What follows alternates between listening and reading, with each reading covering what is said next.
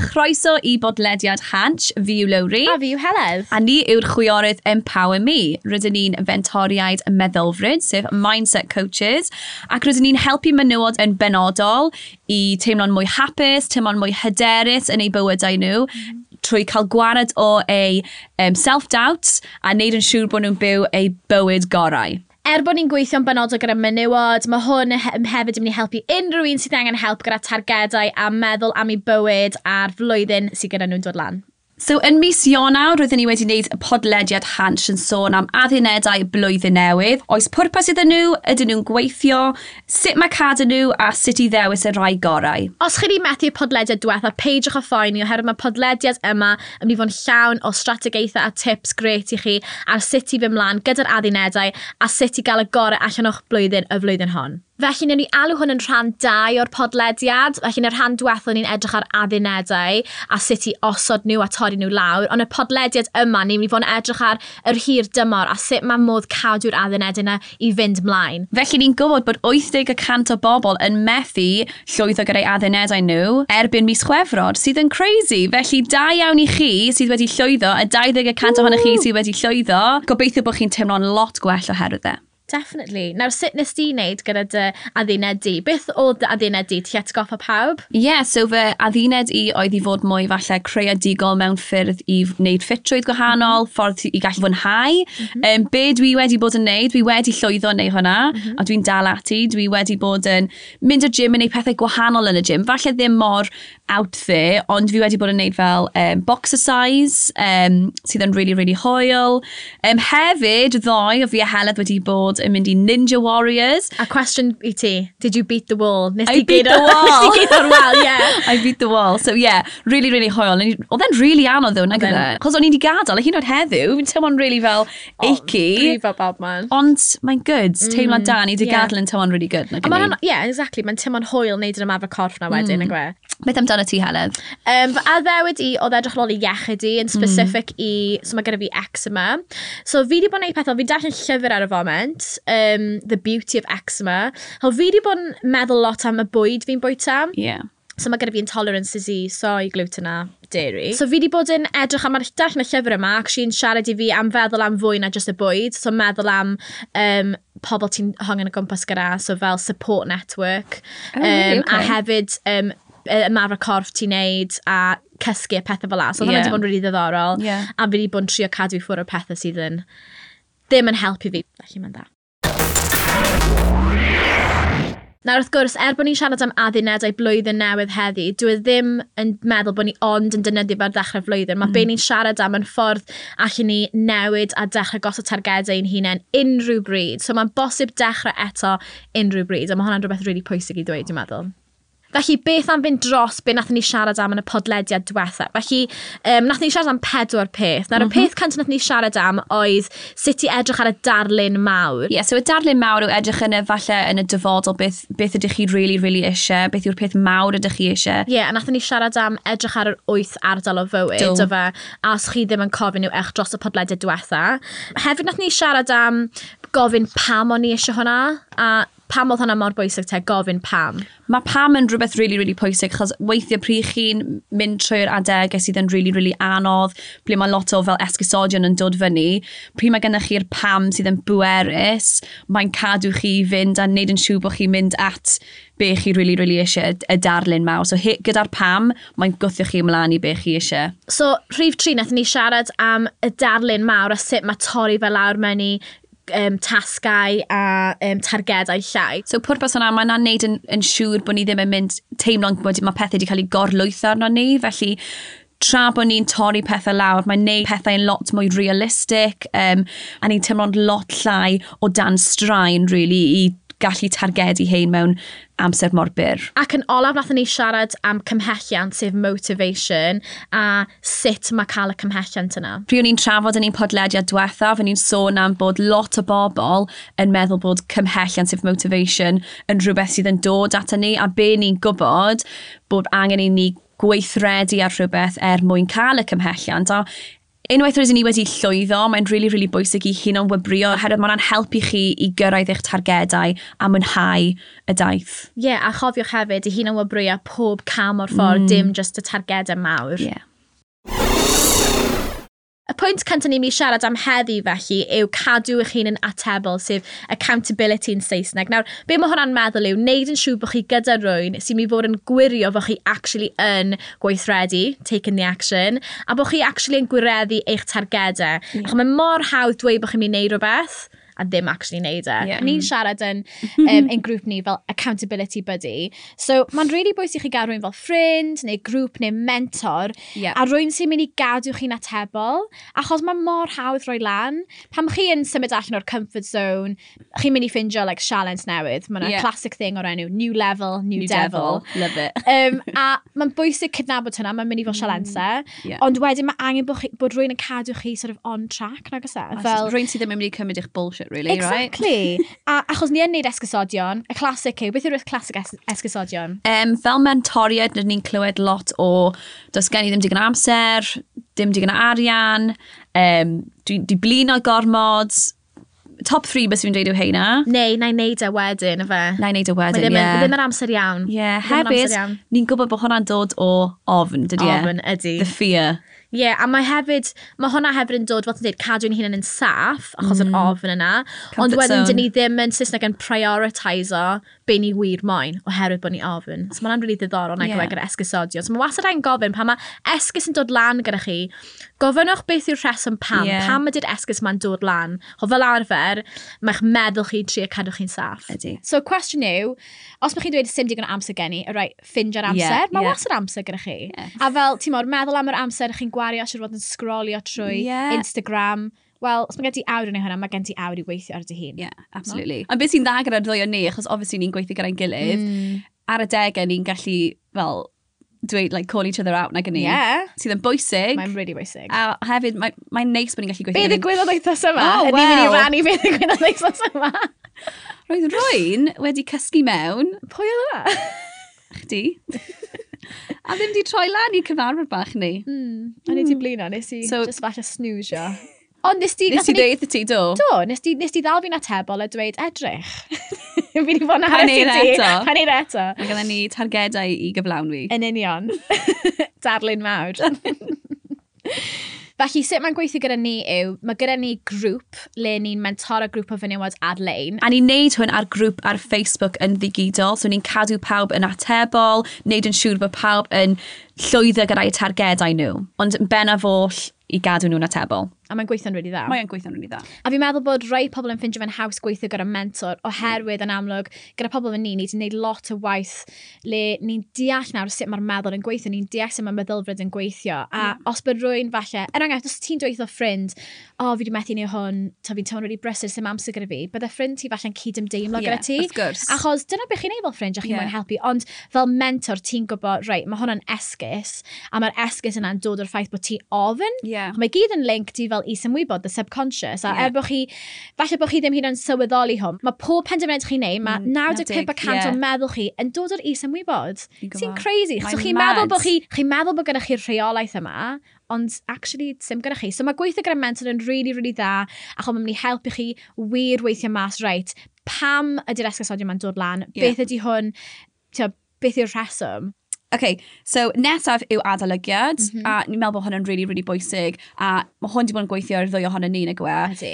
Yn enwedig yn y flwyddyn diwetha, fi'n credu ni wedi bod yn wneud loads dros y blwyddyn diwethaf, a ni'n anghofio weithiau faint ni wedi wneud. So mae mm. adolygiad yn ddyddiol, wythnosol ac yn misol mm. yn really, really bwysig. Mae'n just yn helpu chi i adnabod faint chi wedi actually cyflawni mm. mewn yn yr amser yna, a actually just dweud, ti'n beth, ti'n gwneud really good, really good job, ti'n meddwl? Ie, yeah.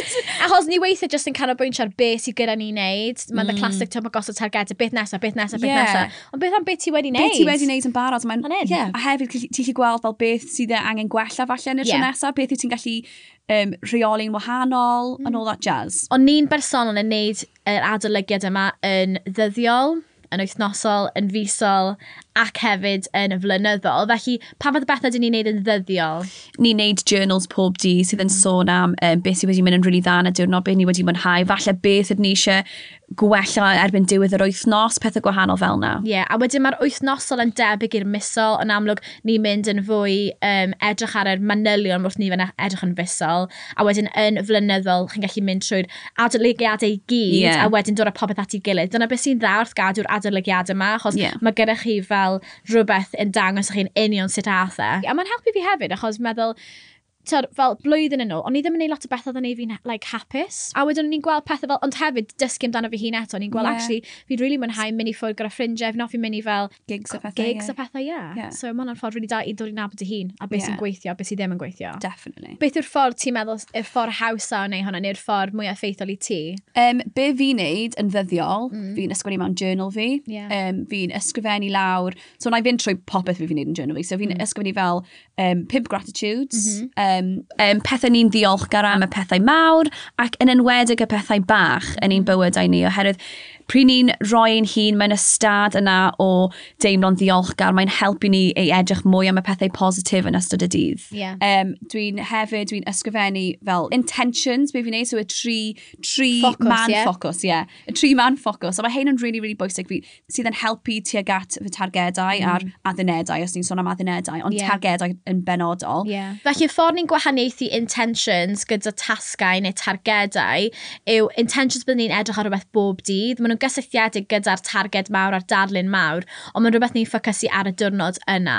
Felly, os yr enghraifft bod chi'n targedu eich arian chi, falle bod intention chi i wneud rhywbeth i wneud fwy o arian y diwrnod yna, neu i wneud rhywbeth sy'n mynd i helpu chi gael fwy o arian er enghraifft. Yeah. So, gwyn ar bydde aduned ti neu dalle dy ddarlun mawr i fod yn rhywun sydd yn hapus ac yn hyderus yeah. um, ac yn bositif ac yn bresennol dweud. So, yeah. sut bydde ti'n se bydde ti'n cael fel the daily intention, be bydde fel y man focus yn ddyddiol? So, i fi, yn, beth yn really, really bwysig yw fel affirmations. Mm -hmm. A mae hwnna'n siarad yn, yn garedi gyda hi. Mae hwnna'n mm -hmm. gallu mhm. bod yn intention hefyd. Yeah. I am focus. statements. I am statements sydd yn really, really, really pwerus. Mae pobl yn meddwl bod hwn yn eitha fel trivial na gynnu. Ond honestly, mae ni'n gwybod mm. bod e'n mm. gweithio a ni wedi bod i lot o cyrsiau gwahanol sydd yn, sydd yn benodol yn gwybod bod e'n gweithio. Ydy, ie. Yeah. Chi'n profi, os chi'n dweud rhywbeth digon o weithiau, chi'n diwedd yeah. lan yn credu e. Achos, really, mae'r ma ymenydd ddim yn gwybod y gwahaniaeth rhwng fact and fiction, ydy e? No. So, mae'n really, really bwysig bod pryd chi'n dweud pethau eich hun. So, yn rhan o'ch fel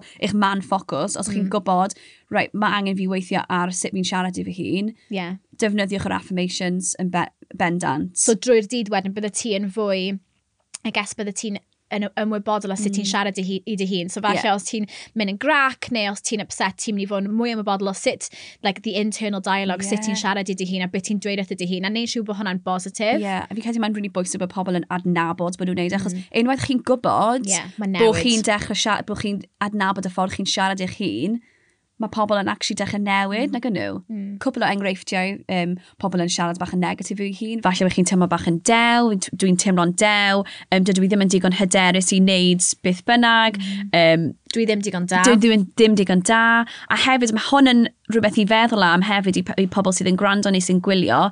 Meddyliwch am faint o weithio chi, chi wedi siarad yn negyddol eich hun yn barod heddiw. A bych chi'n cael sioc i fod onest. So mae'n bwysig i trio swapio'r pethau negyddol mewn i pethau mwy positif. Ie, yeah, a ni ddim yn sylweddoli, ydyn ni. Hyn o'r fel ti'n dweud, o'r dechrau cynna, ni'n deffro yn y bore. Yeah. Falle bod chi'n rhedeg yn hwyr. A nad o'ch bod fel fi'n rhedeg yn hwyr. Be ydych chi'n dweud achos hwnna? Yeah. O, oh, dwi just mor disorganised. Yeah yeah. dwi just yn rubbish, fi byth ar amser. Dwi mor ddiog. Dwi mor ddiog, pethau fel la. Just edrych yn eich hun yn y, y drych, falle bod chi ddim yn hoffi ffordd chi'n edrych, falle bod chi'n dweud pethau fel, fi'n eich mor hyll heddi, fi'n edrych mor flynedig, chi'n just bod mor gas ych chi. Yeah. mae just yn, mae hwnna'n cael effaith ar ni, na gwer, ben draw. Mae lot o pethau negatif chi'n gallu mm-hmm. dweud chi, ond mae angen newid hein a flipo o hein mewn i'r affirmations, y, y pethau mwy positif. Yeah. Felly, pa fath o bethau beth ti'n dweud i newid nhw mewn i'r positif? So dwi'n grif, dwi'n ddigon, ie, yeah, fel ti'n dweud, just flipping nhw a just dweud y pethau. Hyn os ti ddim yn teimlo fe yeah, i ddechrau gyda, mae eisiau sort of neud yr... Um, mae eisiau nech dechrau nawr. So, os ti ddim yn tymlo'n gyffordd yn dweud, dwi'n hyderus, falle wneud i yn, yn fewn o falle fydd y gorfod fel, na fi ddim, na fi yeah. ddim, na fi ddim. So, mae eisiau gwneud pethau fel, dwi'n gweithio ar fy hyder. Yeah. A mae hwnna'n tymlo'n fwy gyfforddus i fi. Yeah. Oce, okay, fi yn gweithio ar fy hyder, yeah, yeah. yeah. A wedyn, yn y pen draw, byddwch chi'n dweud pethau fel, dwi'n hyderus. A fi'n yeah. gwybod, ni wedi dod hwn loads. Definitely. I fi, fel, um, dwi'n dwi hapus, dwi'n bresennol. A chwbod yeah. hwnna'n rhywbeth, especially fi, tyd, fi um, a mae'r ddwy ni wedi um, cael problemau a sialensau gyda um, meddylfryd ni a pethau fel anxiety, depression, mm. um, iselder, a fi'n meddwl i fi, o'n i'n ffocasu gymaint ar y um, gorffennol. Yeah. A fi'n gweld mae'n wahanol gyda anxiety, yeah. ti'n edrych ar yr... Yeah um, yn y dyfodol. Ond gyda fi, meddwl am y gorffennol, ti just, o ti byth yn bresennol.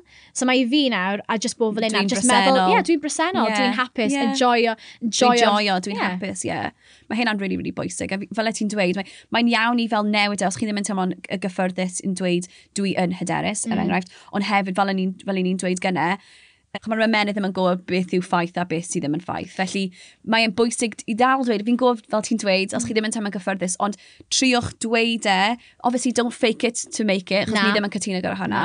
Ond fake it to believe it, neu ffordd arall yw faith it to make it, sydd yn actually neud i chi gredu yn eich hun, i chi actually gallu cyrraedd ble ydych chi eisiau bod gyda'ch meddylfryd. O'n i eisiau dechrau busnes am flynyddoedd, yeah. a nes i wneud y penderfyniad pan o'n i'n coleg, achos nes i ddim wneud mor dda, yn y flwyddyn olaf a ddim cael y 2-1 fel o'n i'n meddwl o'n i'n mynd i gael, i fi o'n i'n, I was a failure, o'n i di ffeili. Mm. A so yn pen fi o'n i'n dweud, sa'n digon da i dechrau busnes fi hun, sa'n digon da i gael yeah. swydd o'n i'n moyn, sa'n digon da, sa'n digon da. Thing, yeah. So fi wedi gofod newid hwnna sydd mor sort of ingrained yn yr yeah. is-ymwybod, a mae'n cymryd amser, ond nawr fi yn teimlo'n digon dda. Yeah. Ond oherwydd fi'n gwneud gymaint o waith ar y meddylfryd a fi'n gweithio fy hun, weithio fi'n cael little bit wobbly moments, well, ma a mae'n digwydd, yeah. ond wedyn fi'n deall, mae hwnna'n syniad, it's a thought. Yeah. Fi'n dewis, ydw i'n mynd i feddwl bod hwnna'n rhywbeth fi'n moyn dewis? A yeah. fi'n moyn, ydy hwnna'n wir i fi?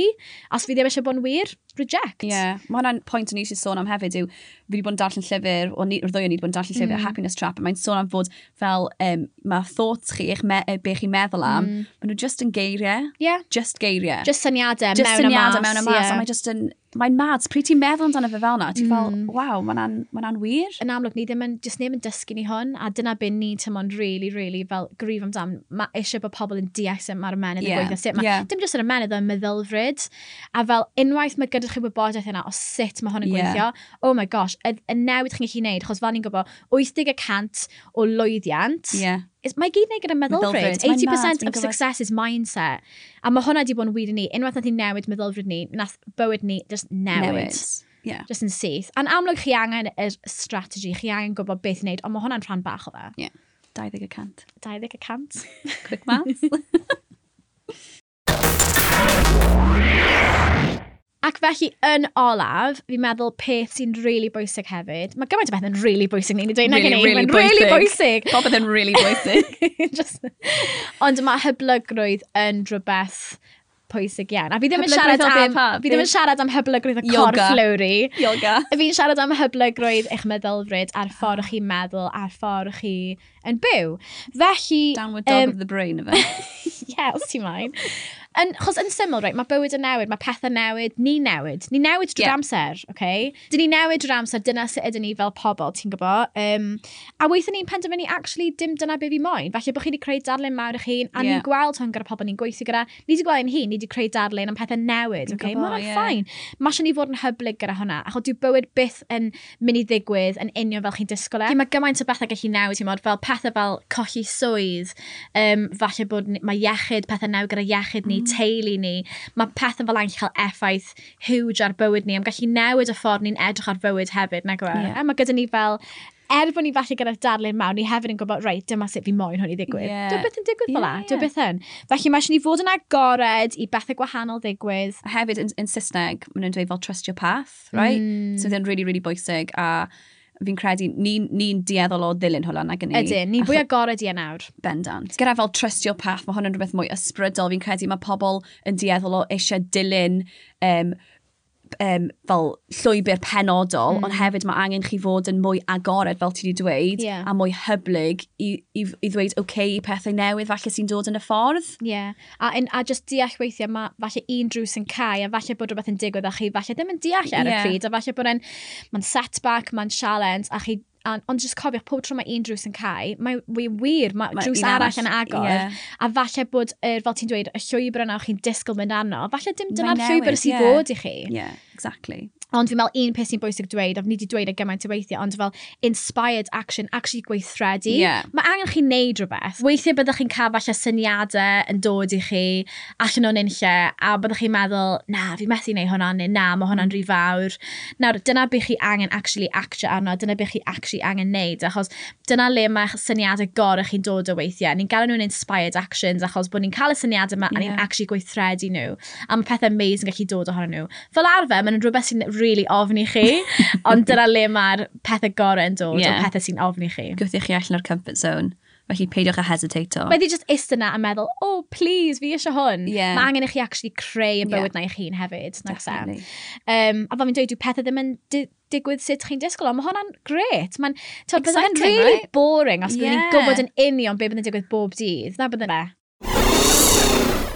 Wel, dyna ni, ni wedi cyrraedd diwedd y podlediad heddi. Diolch gymaint am rando. Gobeithio bod heddi wedi ysbrydoli chi a rhoi y sialens i chi i sort of meddwl yn fwy am eich bywyd chi a gweddill y flwyddyn. Um, a fi'n gwybod weithio dwi ddim yn hawdd, a ni yn dod o, o gwmpas sialensau sydd yn mm. gallu gwneud ni dim ond bod ni'n stopio, falle ddim yn wneud unrhyw gynnydd, ond just cadwch fynd a byddwch chi'n ffindio'r ffordd fi'n siŵr, achos ni wedi dod o ar glot o sialensau, hyn oed yn y flwyddyn diwetha, oh, do. um, a ni wedi cario ymlaen mynd, a ni'n teimlo mor um, ddiolchgar bod ni wedi cario ymlaen mynd. Um, cofiwch chi gadw eich targedau byr dymor yn realistig. Cofiwch chi wobrio chi'n end, dyna'r peth gorau. yeah, definitely. um, a byddwn ni wir yn hoffi clywed gyda chi, a sgynnych chi unrhyw gwestiynau. Um, dyn ni ar y socials, um, a mae gyda ni gwefan, so felly ni'r chwiorydd Empower Me, Empower Me Sisters, a dyn ni ar gwefan empowermesisters.com, felly cysylltwch â ni ar y wefan. Diolch yn fawr iawn am rando, cofiwch i ddilyn hans ar y cyfryngau cymdeithasol. A tan ysgrifo i bodlediadau Hans. Diolch! Ta-ra!